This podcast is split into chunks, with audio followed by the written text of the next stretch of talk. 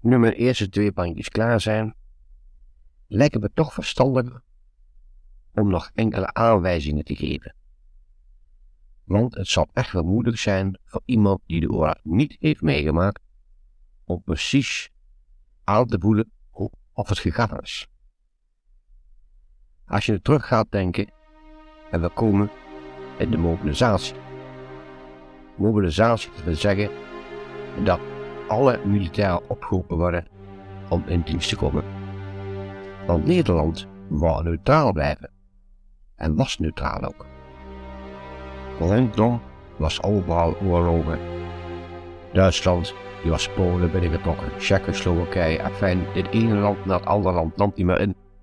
Dus het was hoog tijd dat we ook hier uiteindelijk ons zouden gaan verdedigen. Je kunt nagaan, dat waren gekke situaties. Want nu heeft de regering niets meer in te brengen, maar alles gaat nu voor door de minister van Defensie. Zoals je weet, de Plattenburgerweg, waar ik het met in heb gehad, over die brug die daar was. En daarachter die spoorlijn, het was allemaal weilanden. En er stond hier en daar op een verhoging nog een boerderijtje op. Maar dat hele zaakje werd onder water gezet. Dat noemen ze zogenaamd het inundatiegebied. Het was eigenlijk een soort vesting al. Te weinig water om met een boot te varen en te veel water en te mottig om met tanks of andere materialen heen te gaan. Dan mocht je bijvoorbeeld, daar mocht niet gefotografeerd worden en al die dingen meer. Maar fotograferen, dat gebeurde toch wel, want heel vaak, s'nachts, kwamen de vliegtuigen over en lieten dan lichtkogels vallen. Dus tegelijkertijd werd er ook gefotografeerd. En dan zag je de kranten al met grote kopletters verraad in Nederland.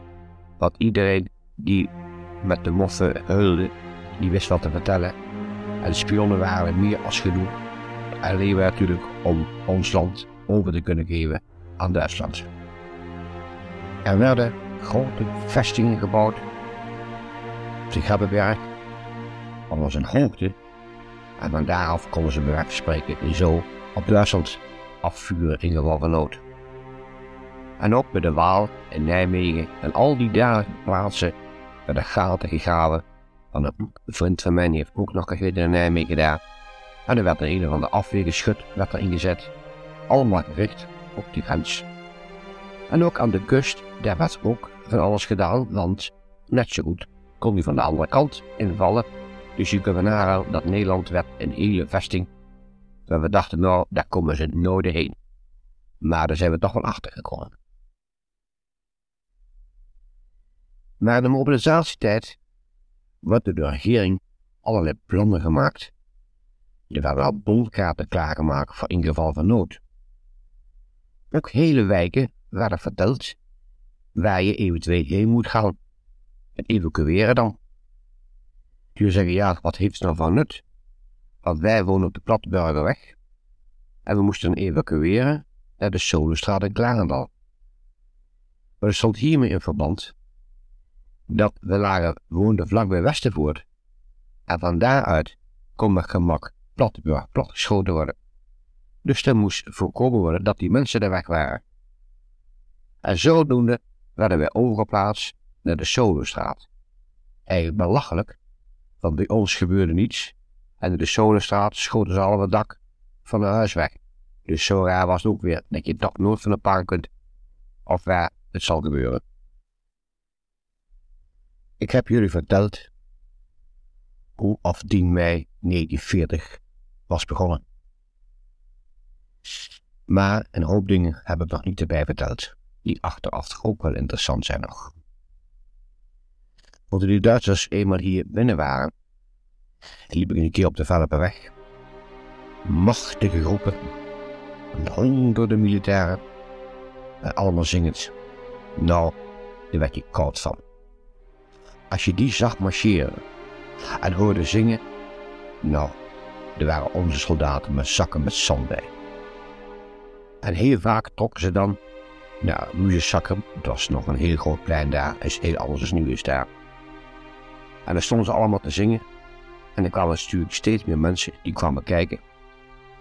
En er stonden ook diverse met een vlag te zwaaien van Duitsland.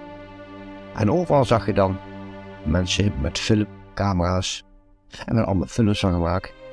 En liet je natuurlijk in Duitsland afdraaien om te zien hoe goed of Holland voor de Duitsers waren. Ik liep een keer onder de linden. Dat was achter bij het Vogelenwijk. Dat is een hele lange laan. Met allemaal bomen. Nou, je weet niet wat je zag. Oh, zware tanks. Zware afweergeschut. Nou, daar wilde je van. En die moesten allemaal trekken naar richting van de Gebbenberg. Dus je dacht, oh god, oh god, die jongens hebben daar wat te verduren. En als je een dag later kwam, was alles weer weg. De dag daarna stonden weer nieuwe groepen en dat drukte achter elkaar maar zo door. Ik heb jullie verteld van s'avonds, als het donker was, dat er zoveel vliegtuigen overkwamen. Ik heb één keer meegemaakt. Ik stond boven de slaapkamer op de Platte Burgerweg. En de Duitsers hadden schijnwerpers. Dat zijn hele grote lampen, kun je zeggen, van een doorsnee van minstens wel een meter. En die werden dan in de hoogte gericht. En zo als er een vliegtuig aankwam, dan probeerden ze dat om zijn vliegtuig in zijn straal te krijgen. Ik heb het gezien dat er eentje in zat. Het is een zilverpuntje, heel hoog in de lucht. En als je dan komen weer aan, want tegelijkertijd wordt er met een of ander afweergeschut op geschoten. En om de zomer klappen, dan zag je één keer een soort lichtkogel. Dan konden ze precies zien of ze wel in de goede richting zaten. Ik heb gezien dat zo'n ding geraakt werd, uit elkaar vloog, stukken en brokken zag je naar beneden donderen. En waar ze terecht kwamen, dat weet je ook niet. Maar het is een vreselijk ellendig gezicht is dat.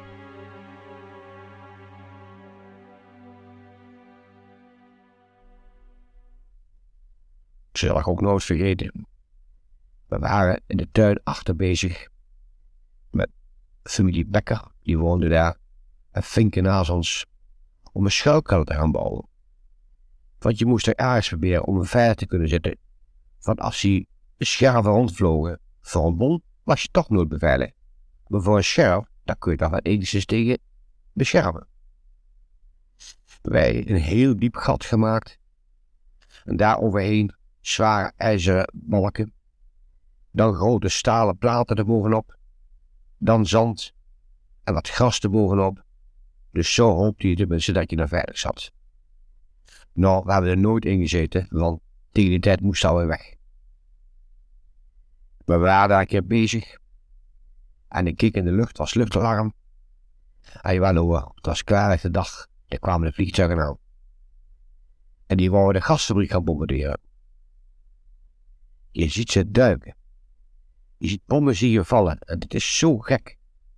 Een stuk zie je wel, een stuk zie je niet. En weer een stuk wel. Je oog kan het schijnbaar niet zo gewoon volgen als dat valt.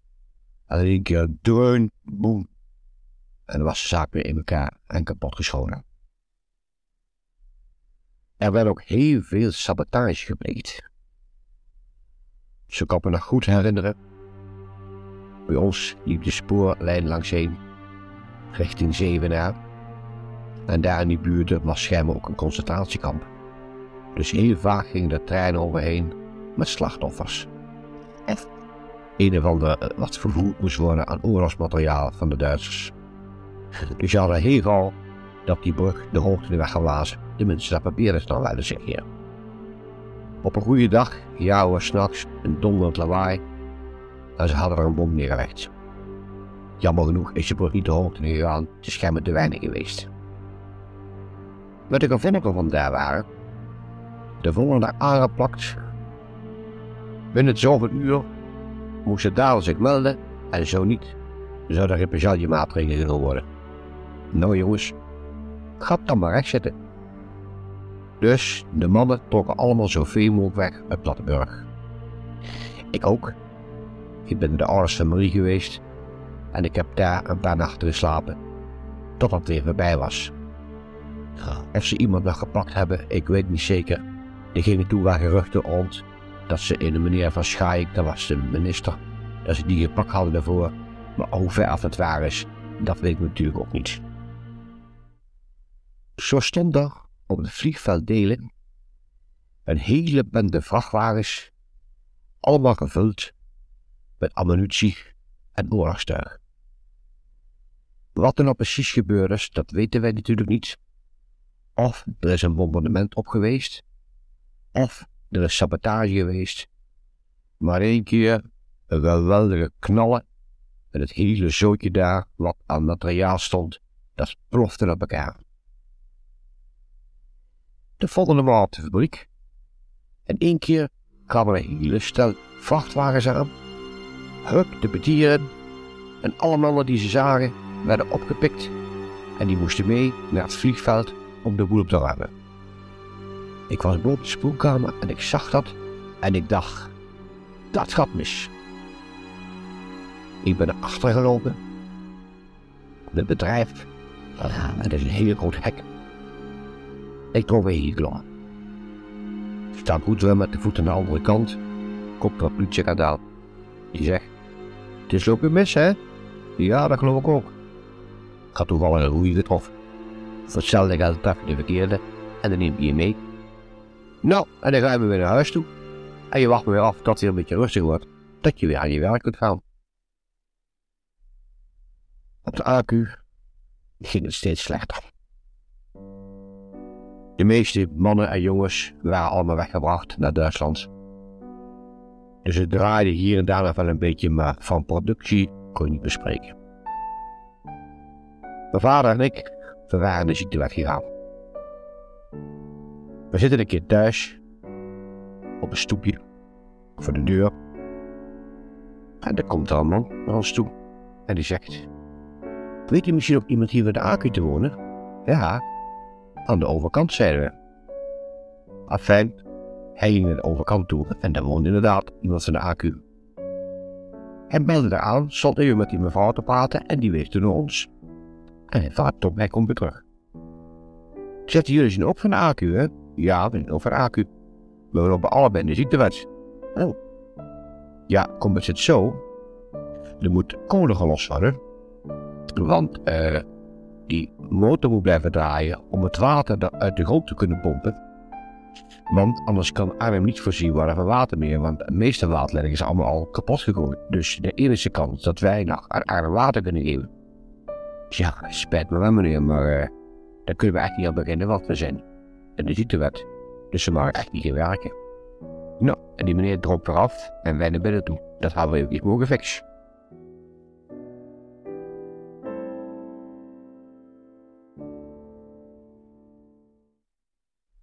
De hele koninklijke familie, die was in de meidagen al gevlucht naar Engeland of Amerika. En daar zouden hun dan de strijd voortzetten.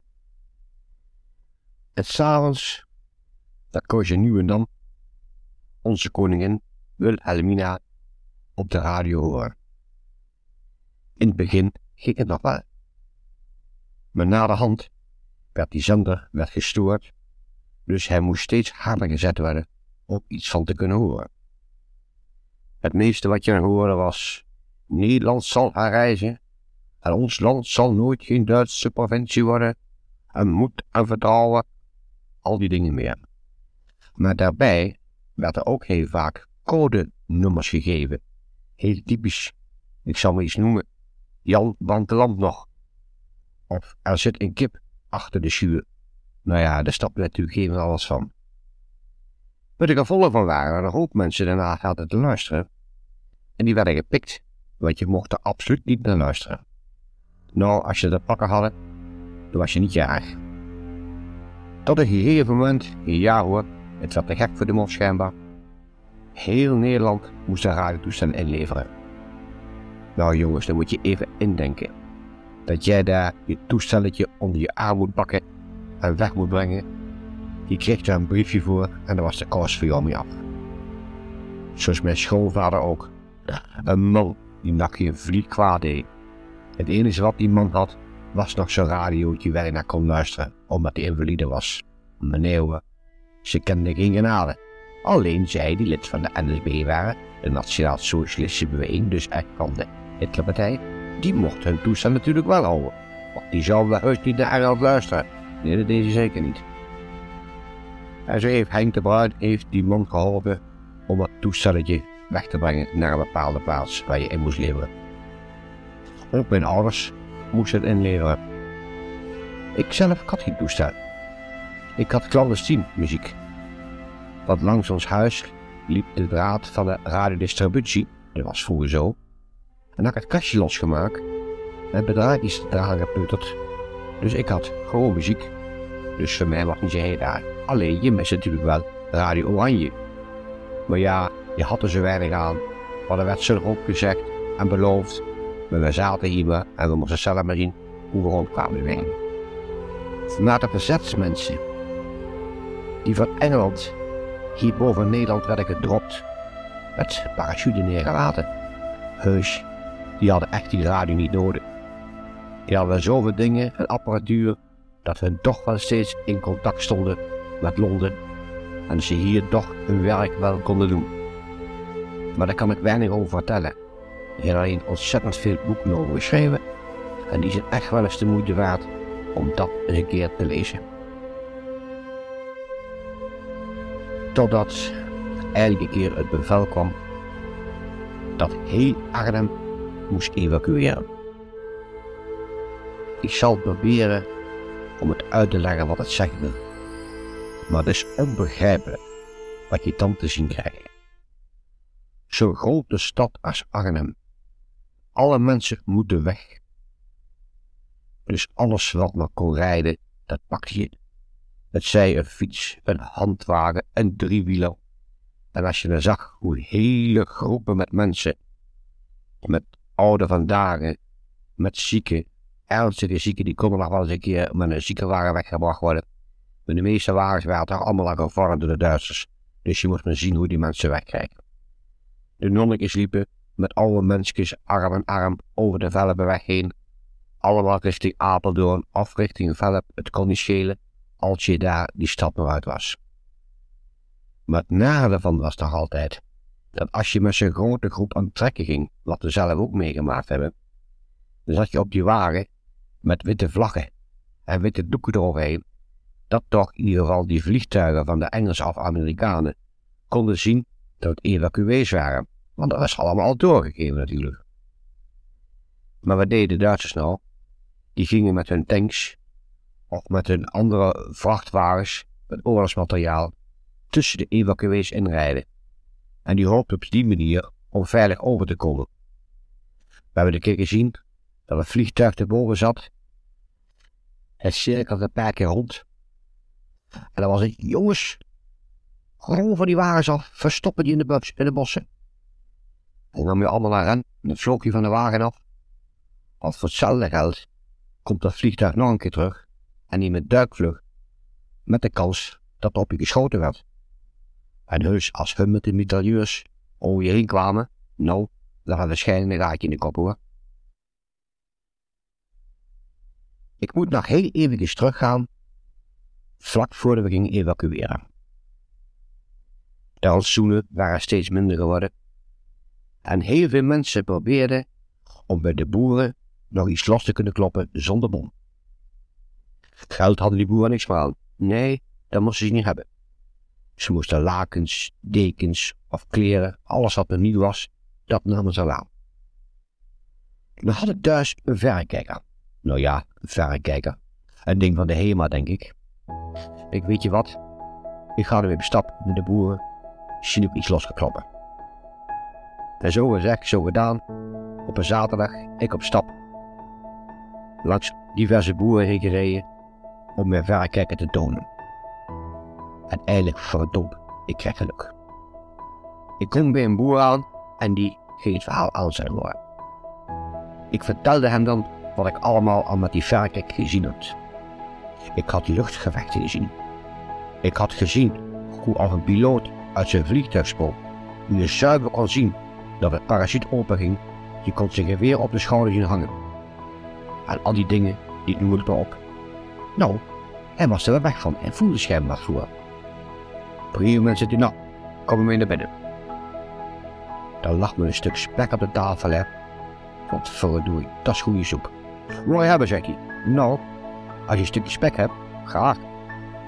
Hij sloeg een keer met de hand eroverheen om de vliegen weg te maar nooit ja. Zo moet je ook weer niet kijken die dagen. Hij sneed er een stuk spek af.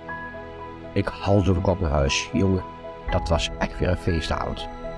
Hoe groot een stuk spek was, dat weet ik niet meer. Maar ik weet wel dat het voor die dagen een flink stuk spek was hoor. En nu, als je de supermarkt inloopt, dan zie je bakken vol met spek. Prachtig ingepakt in papiertjes. Kijk er dwars heen. Niet al die grijpvingers zie je in die bakken voelen. Die bakken stukje spek en die bakken stuk. Dat weet kijk dus helemaal niet meer. Alleen of niet te vet, of niet te mager is. Natuurlijk, het is fijn dat nu te krijgen is. Maar als je het allemaal nadenkt, hoe lang als het nog geduurd heeft voordat we dit weer konden krijgen. En als je nu op het ogenblik op de tv ziet, dat ze tijdens een spelletje, om leuk te doen, met diverse eieren of andere goed etenswaren ziet vernielen, nou heus, dan kunnen wij de hel om worden. Hebben die mensen dan werkelijk tijd vergeten dat er niks met de feiten was? Foei. Ik heb verteld dat we in Eerbeek aankwamen in een hele grote fabriekshal. Die werden allemaal ingebracht. Ach, helemaal vol met dat kort geknipte stro. En dan moesten wij onze nacht doorbrengen. Nou, van slapen er niet al te veel. Het was overal rumoerig. Eén oog moest je open houden en één oog dicht. Want je moest altijd op verdacht zijn dat niemand iets bij jou weg zou hebben. Maar wat heel erg een trek was, was in die dagen, mijn vader die rookte toen van die astma-sigaretten. Daar zit geen tabak in, maar er is een soort poeder. En als die man die me aanstak, dan was de vreselijke stank, maar goed, die man kreeg er nog van. Maar de narigheid daarvan was dat die er precies hetzelfde uitzagen als gewone sigaretten. Met een mooi mondstuk eraan. Dus je kunt wel nagaan dat je er uiterst voorzichtig mee moest zijn dat niemand het zag. Want je was sowieso een sigaretten kwijt. Die mensen hadden natuurlijk totaal niet samen, ja, weten hun veel. Maar goed, we lagen weer op een nacht in de strooi. En één keer een gerommel en gestommel. Wat iets verder van ons, daar lag de ouders van Sjaak. Ook al bejaarde mensen. Wat is er aan de gang? Nou, zegt ze, ik heb hier een bakje met water gehad. En er lag gebit van mij in. En als de bakje, bakje is omgevallen, en het gebit ligt tussen stro en ik kan het niet meer vinden. Voorzichtig, voorzichtig, trap me niet op. Het is kapot. Toen werd er gemompeld naast mij. Wat is er aan de hand? Het bakje met gebit is omgevallen. We liggen in de strooi. Een gegrinnik en een gelach. Zo zie je dat ik toch nog overal lol op kan krijgen. Maar na verloop van een paar dagen kregen we bericht. We konden een zomerhuisje betrekken. Op Kalderhoven. Midden in de bossen. Nou, dat is niet gek. Eigenlijk het hele stel toch op je eentje zijn. De eerste paar dagen kregen we eten van de gaarkeuken. Maar uh, dat beviel ons niet erg best hoor. Toen we de koppen bij elkaar gooien en jongens, laat proberen om zelf het eten met elkaar te scharrelen. Mijn moeder zou koken en mijn vader hield het kastboek bij. Zal ik nooit vergeten, in het kastboek van hem stond 2,50 van de hond van Hent. Ja, vaak in af. Was dan de hond van Hent? Nou, moet je horen. Marie en ik liepen een keer door het bosje te dwalen. En toen komt er een hondje op ons af. Een lekker dier trouwens hoor. En kwispelen, ach god, dan ben je zeker gedwaald. Wij dat ding meegenomen naar het huisje. Nou ja, je kunt wel indenken, de familie Huske met een hond, hè, dat ging niet. Maar goed, er is even over gekeken, we zouden informeren van wie het beestje zou zijn.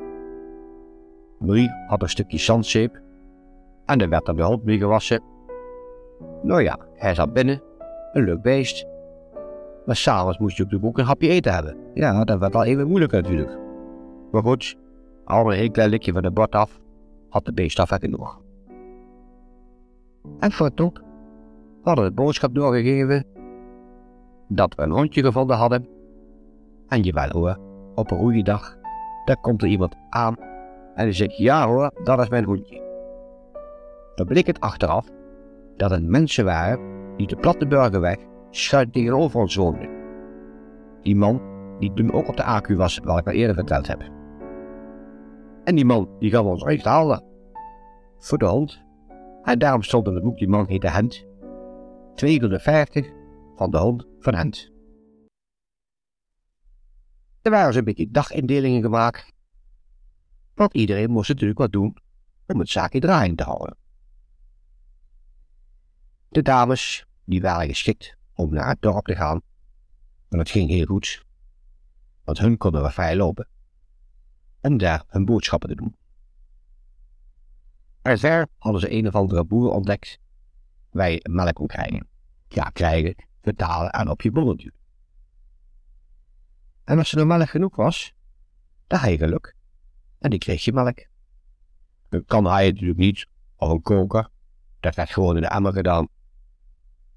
Misschien werd die emmer s'nachts gebruikt voor pyjama, maar daar komt ik nog wel op terug. Maar doordat er steeds meer mensen kwamen, werd de spoeling dunner. Op laatst was het zo dat alleen eerst de vrouwen voorgingen die zwanger waren. Nou, dat was toch ook niet zo'n heel groot probleem. Toen die rotzak, een kussen onder haar rokken. En je wel hoor, die stapte erop af. En pomp werd het eerst geholpen ook nog. Het was wel een gemene streek soms hoor. Maar als je de kans zag om met dat bakje weer een bonnetje te grappen, en deed je dat hoor, weer een half liter melk meer. Ja, je moet allerlei manieren toch proberen om aan de bik te ruimen. En om even op die emmer terug te komen. Dat is ook een heel aardig verhaaltje. Toen de s'nachts zo bitter koud was, moest het doorgestoken worden, wat ik al verteld heb, op de buurt. Maar als het zo aardig koud was en je moest naar buiten helemaal om een plas te doen. Ja, nou weet je wat jongens, we zetten hier het emmer neer en dat ruimen we de volgende dag wel op.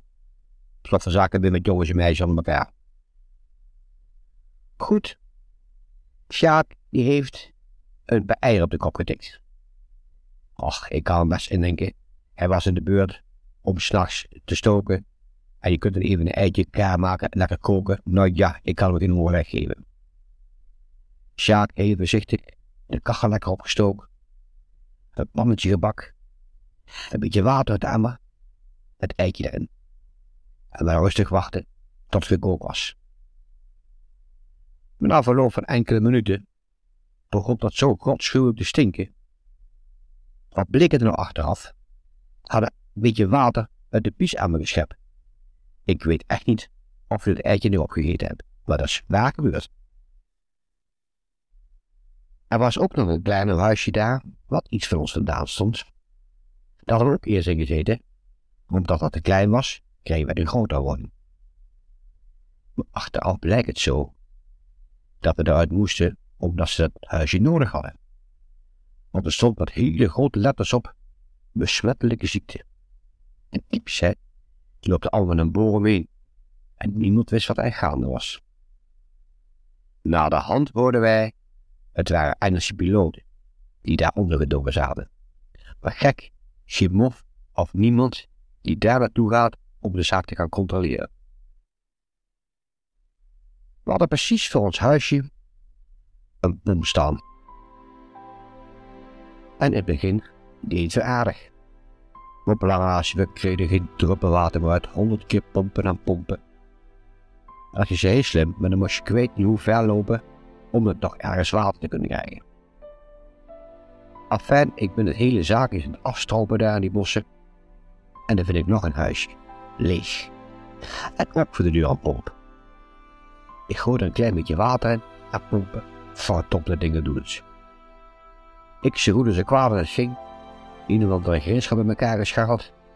Die pomp helemaal gedemonteerd. En netjes bij ons erin gezet. Het onderdeel van de pomp die wij voor de deur staan, teruggebracht naar het andere huisje en het dakje. Twee slingers in de pomp en volop water. Maar ja, alles is maar tijdelijk. Want ondanks dat in hadden gepakt. De frost kwam en hij deed niet meer.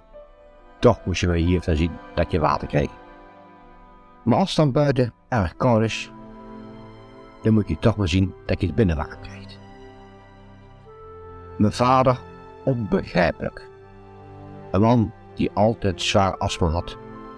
Piepend, hijgend en stomend. Die ging mee om bomen te zagen. Rondom de camping mocht niet. Want die eigenaar van die camping die was wat trots op zijn boompjes. Want er zou het hele zaakje vanille daar. Dus ze moesten flink ver het bos intrekken om toch hier of daar een boompje. Het liefste hadden we berken wonen. De eerste plaats die zagen het makkelijker. En ze waren niet altijd zwaar, je kon ze vervoeren.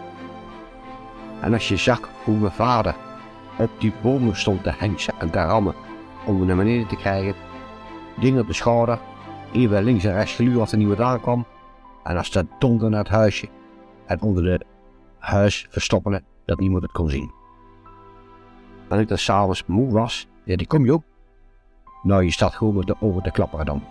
Hij ging weer opnieuw het bos in om weer opnieuw hout te halen. Zoals hij ook altijd de aangewezen man, die enigste wel die naar het dorp gaan. Want ik heb al iets eerder verteld over het verbranden van zijn pas. Zoals je weet moesten we allemaal een pas bij hebben, dat was heel gewoon. Maar alle mannen en jongens tot een bepaalde leeftijd, laten we zeggen 55, 60 jaar, die werden altijd van de wijk opgepikt. Dan werd je meegenomen en dan moest je aan de IJssel graven, alle soorten werkzaamheden als ze daar voor jou en allemaal voor de moffen natuurlijk.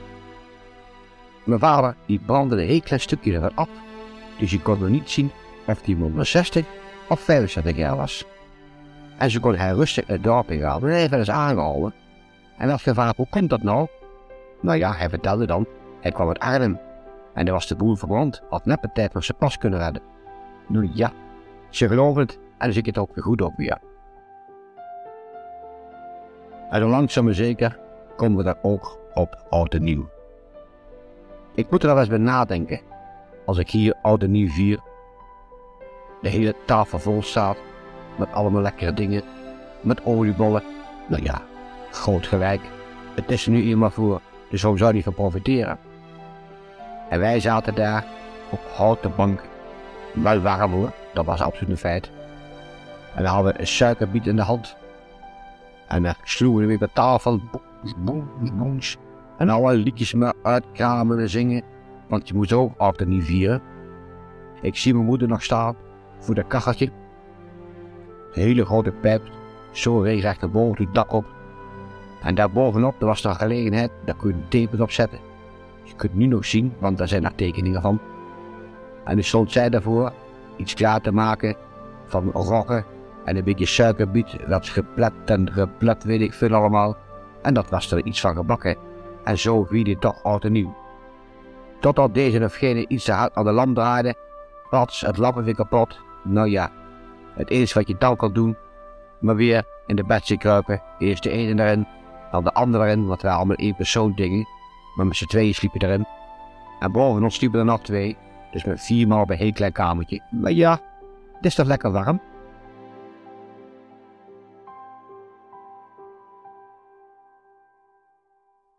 Die twee die boven ons sliepen, dat waren Truzinho.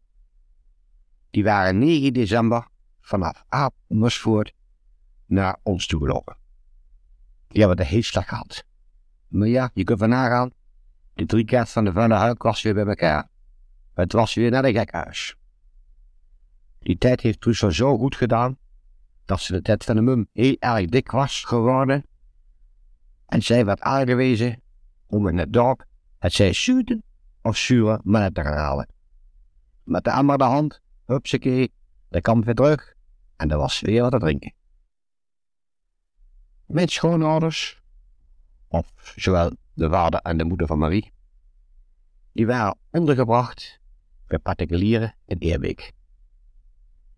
Ik ben er één keer geweest. Nee, dat zou me helemaal niet lijken. Het was echt allemaal droevig. Twee oude mensjes, zwaar op de hand. Tom, waarvan haar man in de sanatorium ligt. Je kunt we nagaan, nee, dat was echt niet leuk voor hen. Maar op een avond, toen zeiden we nou weet je wat, we gaan er kinderen toe. Het is rustig in het dorp, dus door de bomen heen, bos achterlangs, hoeven we een kleine weg over te steken en dat zouden we wel kunnen halen. Goed, wij gingen naartoe. We hebben een beetje te babbelen. Misschien een kopje surrogaat, koffie of thee had, dat weet ik niet meer. Uiteindelijk nog weer zo mee teruggaan. Het zag er heel aardig uit buiten. Het was wat donker. En wij weer terug het bespad door. Maar het gekste was, het was steeds donkerder. En ik aan het lopen, aan het lopen. Op kwam ik voor water, maar ik wist niet meer of ik links of rechts moest. Nou, dat kan leuk worden hier. Dat was vandaag een nachtje in het bos blijven. Maar toch geluk. De wolken begonnen te breken en verdomd de maan kwam door. Ik zie heel in de verte zie de pijpen van een papierfabriek. Nou, die kant moeten we op. Nou, hoe lang hebben we lopen dwalen, dat weet ik niet. Maar op het kamphuisje zei hij bij ons al, nou, ik snap er niks van voor blijven. Dat was een mooi laat geworden. Maar goed, we zijn toch weer aangekomen. Het ergste van alles vond ik nog die vervloekte razia's. Jaren achter mensen, alsof het honden zijn. Dat ging niet net zo. Wanneer het Eerbeek een razia werd gehouden, dan was als de donder, werd de een of ander weggestuurd naar het kamp bij ons, naar de kantine. En dat ene vader Wolkenveld zat daar. Een man van een hele hoop kinderen. En die had het been in het schip zitten. En die was dan altijd de woordvoerder. Die ving het eerste altijd die moffen. En het waren soms ook Hollanders. Met Duitse uniformen aan. Die natuurlijk een baantje moesten hebben bij die moffen. En er zoveel mogelijk probeerden om achter Hollanders aan te jagen. Dat stond ze goed aangeschreven. En dan werden er al kinderen op die werden weggestuurd. Die wisten precies waar onze huisjes waren. En dan werd er gezegd, jongens, pas op, razia komst. Soms kwamen ze wel en soms kwamen ze niet. Maar je kon echt het risico niet lopen. Dagen en nachten hebben die rondlossen verschuild gelegen. Papier voor de borst en op de rug, papier over de schouders heen, dan de jas eroverheen, handschoenen aan, das erop. En we uren, uren liggen wachten tot eigenlijk een seintje kwam dat alles weer veilig was. Dat was ook echt niet leuk voor die vrouwen. Want als ze kwamen, dan kwamen ze al die huisjes binnen. Alles werd nagekeken, onder de bedden, in de bedden. En dan was het zwet in de mannen. En dan wisten ze precies wat ze zeggen moesten. Die werken allemaal aan de ijsel. En dan wist die jas dan, die daar hangt. Oh, Chanel, die is van me verloren. Waar is die? Nou, die werkt ook aan de IJssel. En moet er een jas aan? Nou, even toevallig twee. Die moest altijd rap van tong zijn om die lui zoveel mogelijk te proberen te beslijden. Want als je je verklets, nou ja, heb je grote kans dat je meenemen en afslaan wachten tot je de waarheid vertelt. Je kunt er nagaan dat ze allemaal een nare, rotte, vervelende dingen. Maar goed, de tijd gaat verder. Het is onderhand al een paar dagen na het nieuwe jaar. Het eten werd steeds minder. De grond was veel te hard om nog in te kunnen graven, voor eventueel een aardappel te kunnen vinden. Dat was allemaal dichtgevroren. En de geruchten gingen rond dat als je naar Friesland ging, daar zat je goed. Er was dat sennep, brood en boter, de kaas. Er waren enkele mensen die als schijnbaar naartoe waren vertrokken. Het is zo de 4 januari nog weer een groep weggaan. Wij de kop met elkaar gestoken, ja, beetje overvolgen, zullen we het wel, zullen we het niet. Want ja, we wisten van tevoren, we moesten door een spaargebied heen. En ook had je nog, toen je pas uit Arnhem was vertrokken, hadden ze gezegd, het was voor een paar dagen. Dus je kunt nagaan, we gingen weer steeds verder en verder van huis af. Die hadden gehoord hoe ze Arnhem alles al leeg geplunderd werd. Alle meubels werden eruit gehaald. Maar ja, godsnaam, als hij hier blijft zitten, hij misschien kans dat ik zou doodgaan van de honger. Dus hadden we besloten, wij zouden toch maar vertrekken. En om het even duidelijk te maken, wie zijn er allemaal meegegaan? Dat was dan mijn vader en moeder, Riek en Sjaak, Truus en Jo, Marie en ik zei gek. Neddy met verloofde en Mientje. Mijn broer Herman, daar was niets van bekend. Die hadden wij het laatst gezien in Arnhem nog met het bombardement, je weet wel, die hadden bij ons kippetjes gebracht en die we toen op de trap hebben op zitten peuteren. Vanaf die tijd hebben we ook niet meer gezien ook. Maar daar kom ik naderhand nog wel een keer terug. Dus wij alles ingepakt. Zoals je weet was er een kaartje gemaakt van een wc'tje, een wielrenstander. En voordat we weggingen, reden we nog even langs de kantine heen, of reden, liepen we natuurlijk langs de kantine heen, om even vader Wolkenveld met zijn familie nog gedacht te gaan zeggen. Hij zat dit keer niet in het gipsverband en geen verband op zijn hoofd. Je zei, hoe kan dat dan in één keer? Nou, het was zo. Als hoorde dat er berichten kwamen dat er iets op komst was, dan werd hij maar seconden weer die tullenband op zijn hoofd gezet. Dat was allemaal van verband. Zijn armen in die metal aan en zijn been werd het gips omheen geklapt weer. En prompt zat hij het bestoel. Dus hij kon iedereen ontvangen en proberen zoveel mogelijk om de tuin heen te leiden. Het is nu 4 januari en we gaan op weg naar het onbekende Friesland. En het duurde van 4 januari tot 19 januari. Dus we zijn 16 dagen niet uit de kleren geweest. Ja, ik geloof één keer in Ommen. Dat we daar toen nog een goed bek gekregen hebben. Maar echt, dat is het toch om ook vast niet te vergeten. Ik heb het al helemaal beschreven, dus nu zal ik een stuk overslaan totdat ik weer ben in. Oude Brussel. Prachtige omgeving. Hele grote boerderijen. Enorme grote stukken land daaromheen. Waar winters niet veel aan te zien was. Maar zovens vol met aardappels, graan en gerst en maïs. Alles wat die boeren aan het verbouwen gedaan. Het ligt helemaal boven in Friesland. Van als je aan de kant van de zee gaat staan, dan kon je bij goed helder weer de eilanden zien liggen. Ik weet nog wel, toen wij er reeds bevrijd waren, maar de eilandbewoners nog niet. Het was nog steeds bezet door de moffen. Er was er s'avonds heel veel vuur aan de hemel te zien.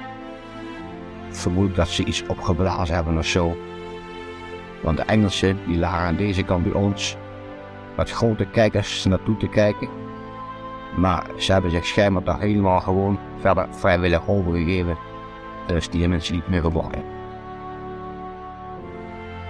Ik heb allemaal al verteld dat wij er allemaal ondergebracht waren. Wij bij de familie De Wit en de andere bij de familie Polstra. Zo waren diverse mensen waar je allemaal ondergebracht werd. Als je dat dorp binnenkwam, was rechts bijvoorbeeld hier en daar een kleine huisjes tegen de dijk aan. Links bijvoorbeeld een enorme grote boerderij. En dan een heel stuk niks. Tot je eindelijk op een zogenaamd kruispunt kwam, daar ga je wat huizen in elkaar staan. Er was bijvoorbeeld een uh, restaurant, tevens kapper. Er was een café. En dan verder die bakkerij waar wij in zaten. En er was nog een bakkerij, die had er steeds in gebruik, want er mocht maar één bakkerij in het dorpje gebruikt worden.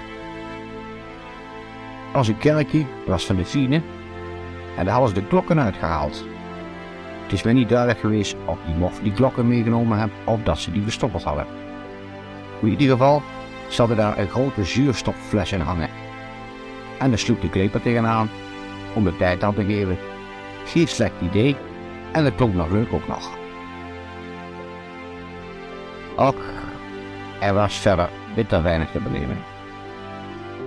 Als het goed weer was, werd er veel gewandeld. Je kon de uren door de weilanden heen lopen. Dus dat was wel enigszins een vertier die je had. Ik heb je al verteld, Marie en ik met zo'n bootje, zo'n trapbootje, daar rondgevaren hebben. Ik was een keer heel alleen met zo'n bootje en er stond een flinke wind. En je kon dat zeiltje kun je zetten. Nou, ik het zeiltje omhoog. En dan ging je altijd even makken. Je kon hem gauw omhoog krijgen als een laag.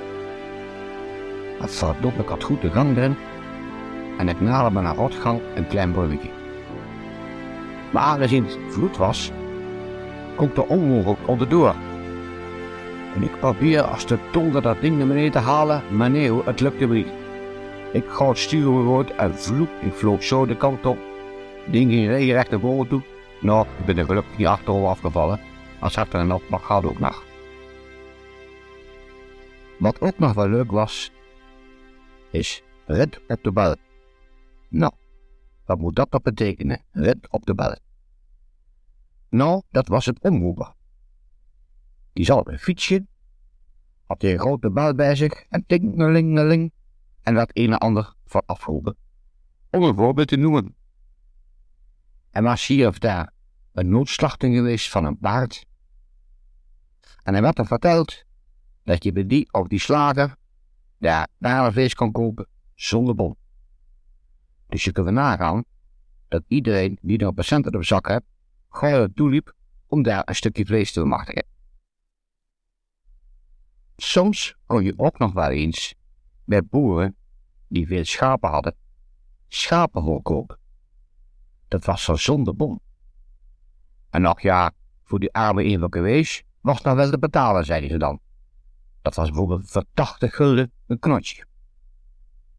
Wat voor die tijd natuurlijk een enorm bedrag was. Marie de okker toegesloft en daar een paar knoppen wol gekocht. Om te beginnen heeft je daar een trui voorbereid. Hartstikke lekker warm, want warmte, dat kun je daar goed gebruiken. Ze heeft ook nog een lange kousje voorbereid, die ze daar heel lang plezier voor had. Jaren later heeft ze het truitje weer gevonden. Ze heeft het uitgetrokken en er een schaapje voorbereid voor mijn zoon, die toen in 1950 geboren was. Hartstikke leuk dingetje, had hem ook heel graag in zijn bed.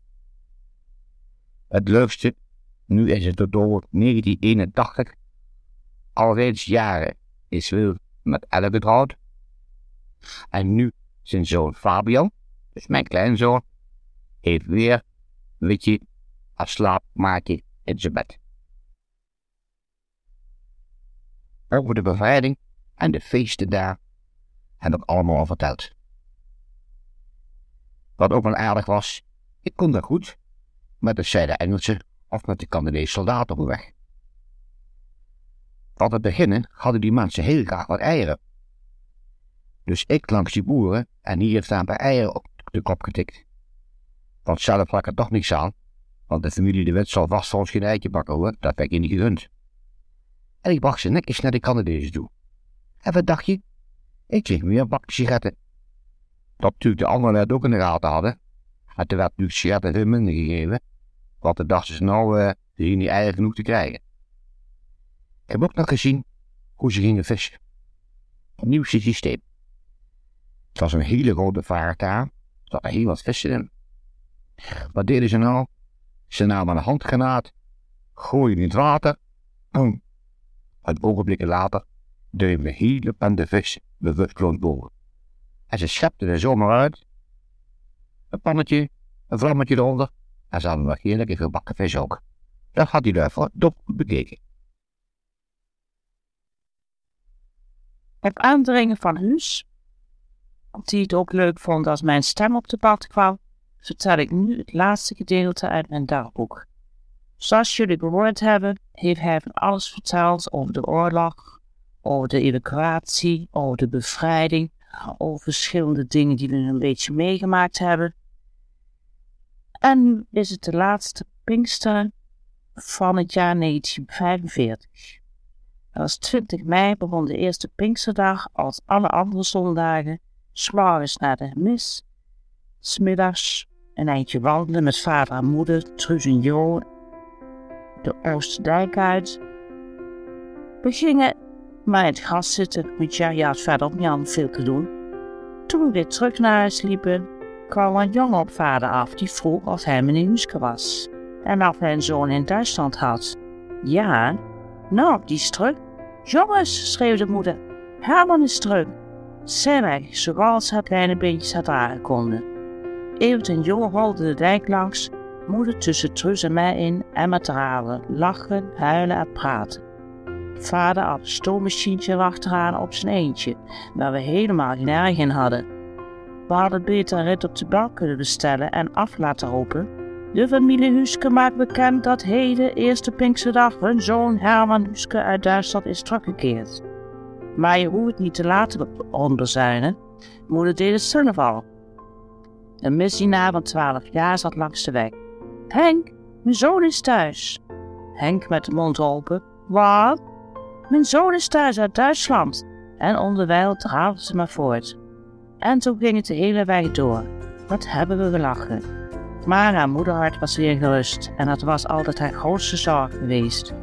Maar ja, zoiets voelt alleen een moeder. Zo ontmoeten wij dan Herman en Herman Meijer uit Amersfoort, dat was zijn neef, bij het stulpje van Polstra. Het was vanzelfsprekend een gelukkig weerzien. Wat hij voor reis gemaakt heeft, dat is niet in een paar regels te beschrijven. Ik weet nog wel dat hun vanaf Amersfoort, waar ze eerst naartoe zijn gegaan naar Duitsland, dus van Amersfoort naar Friesland, 100 kilometer in twee dagen gelopen hebben. Ziezo, dus ook dit huisgezin was weer verenigd.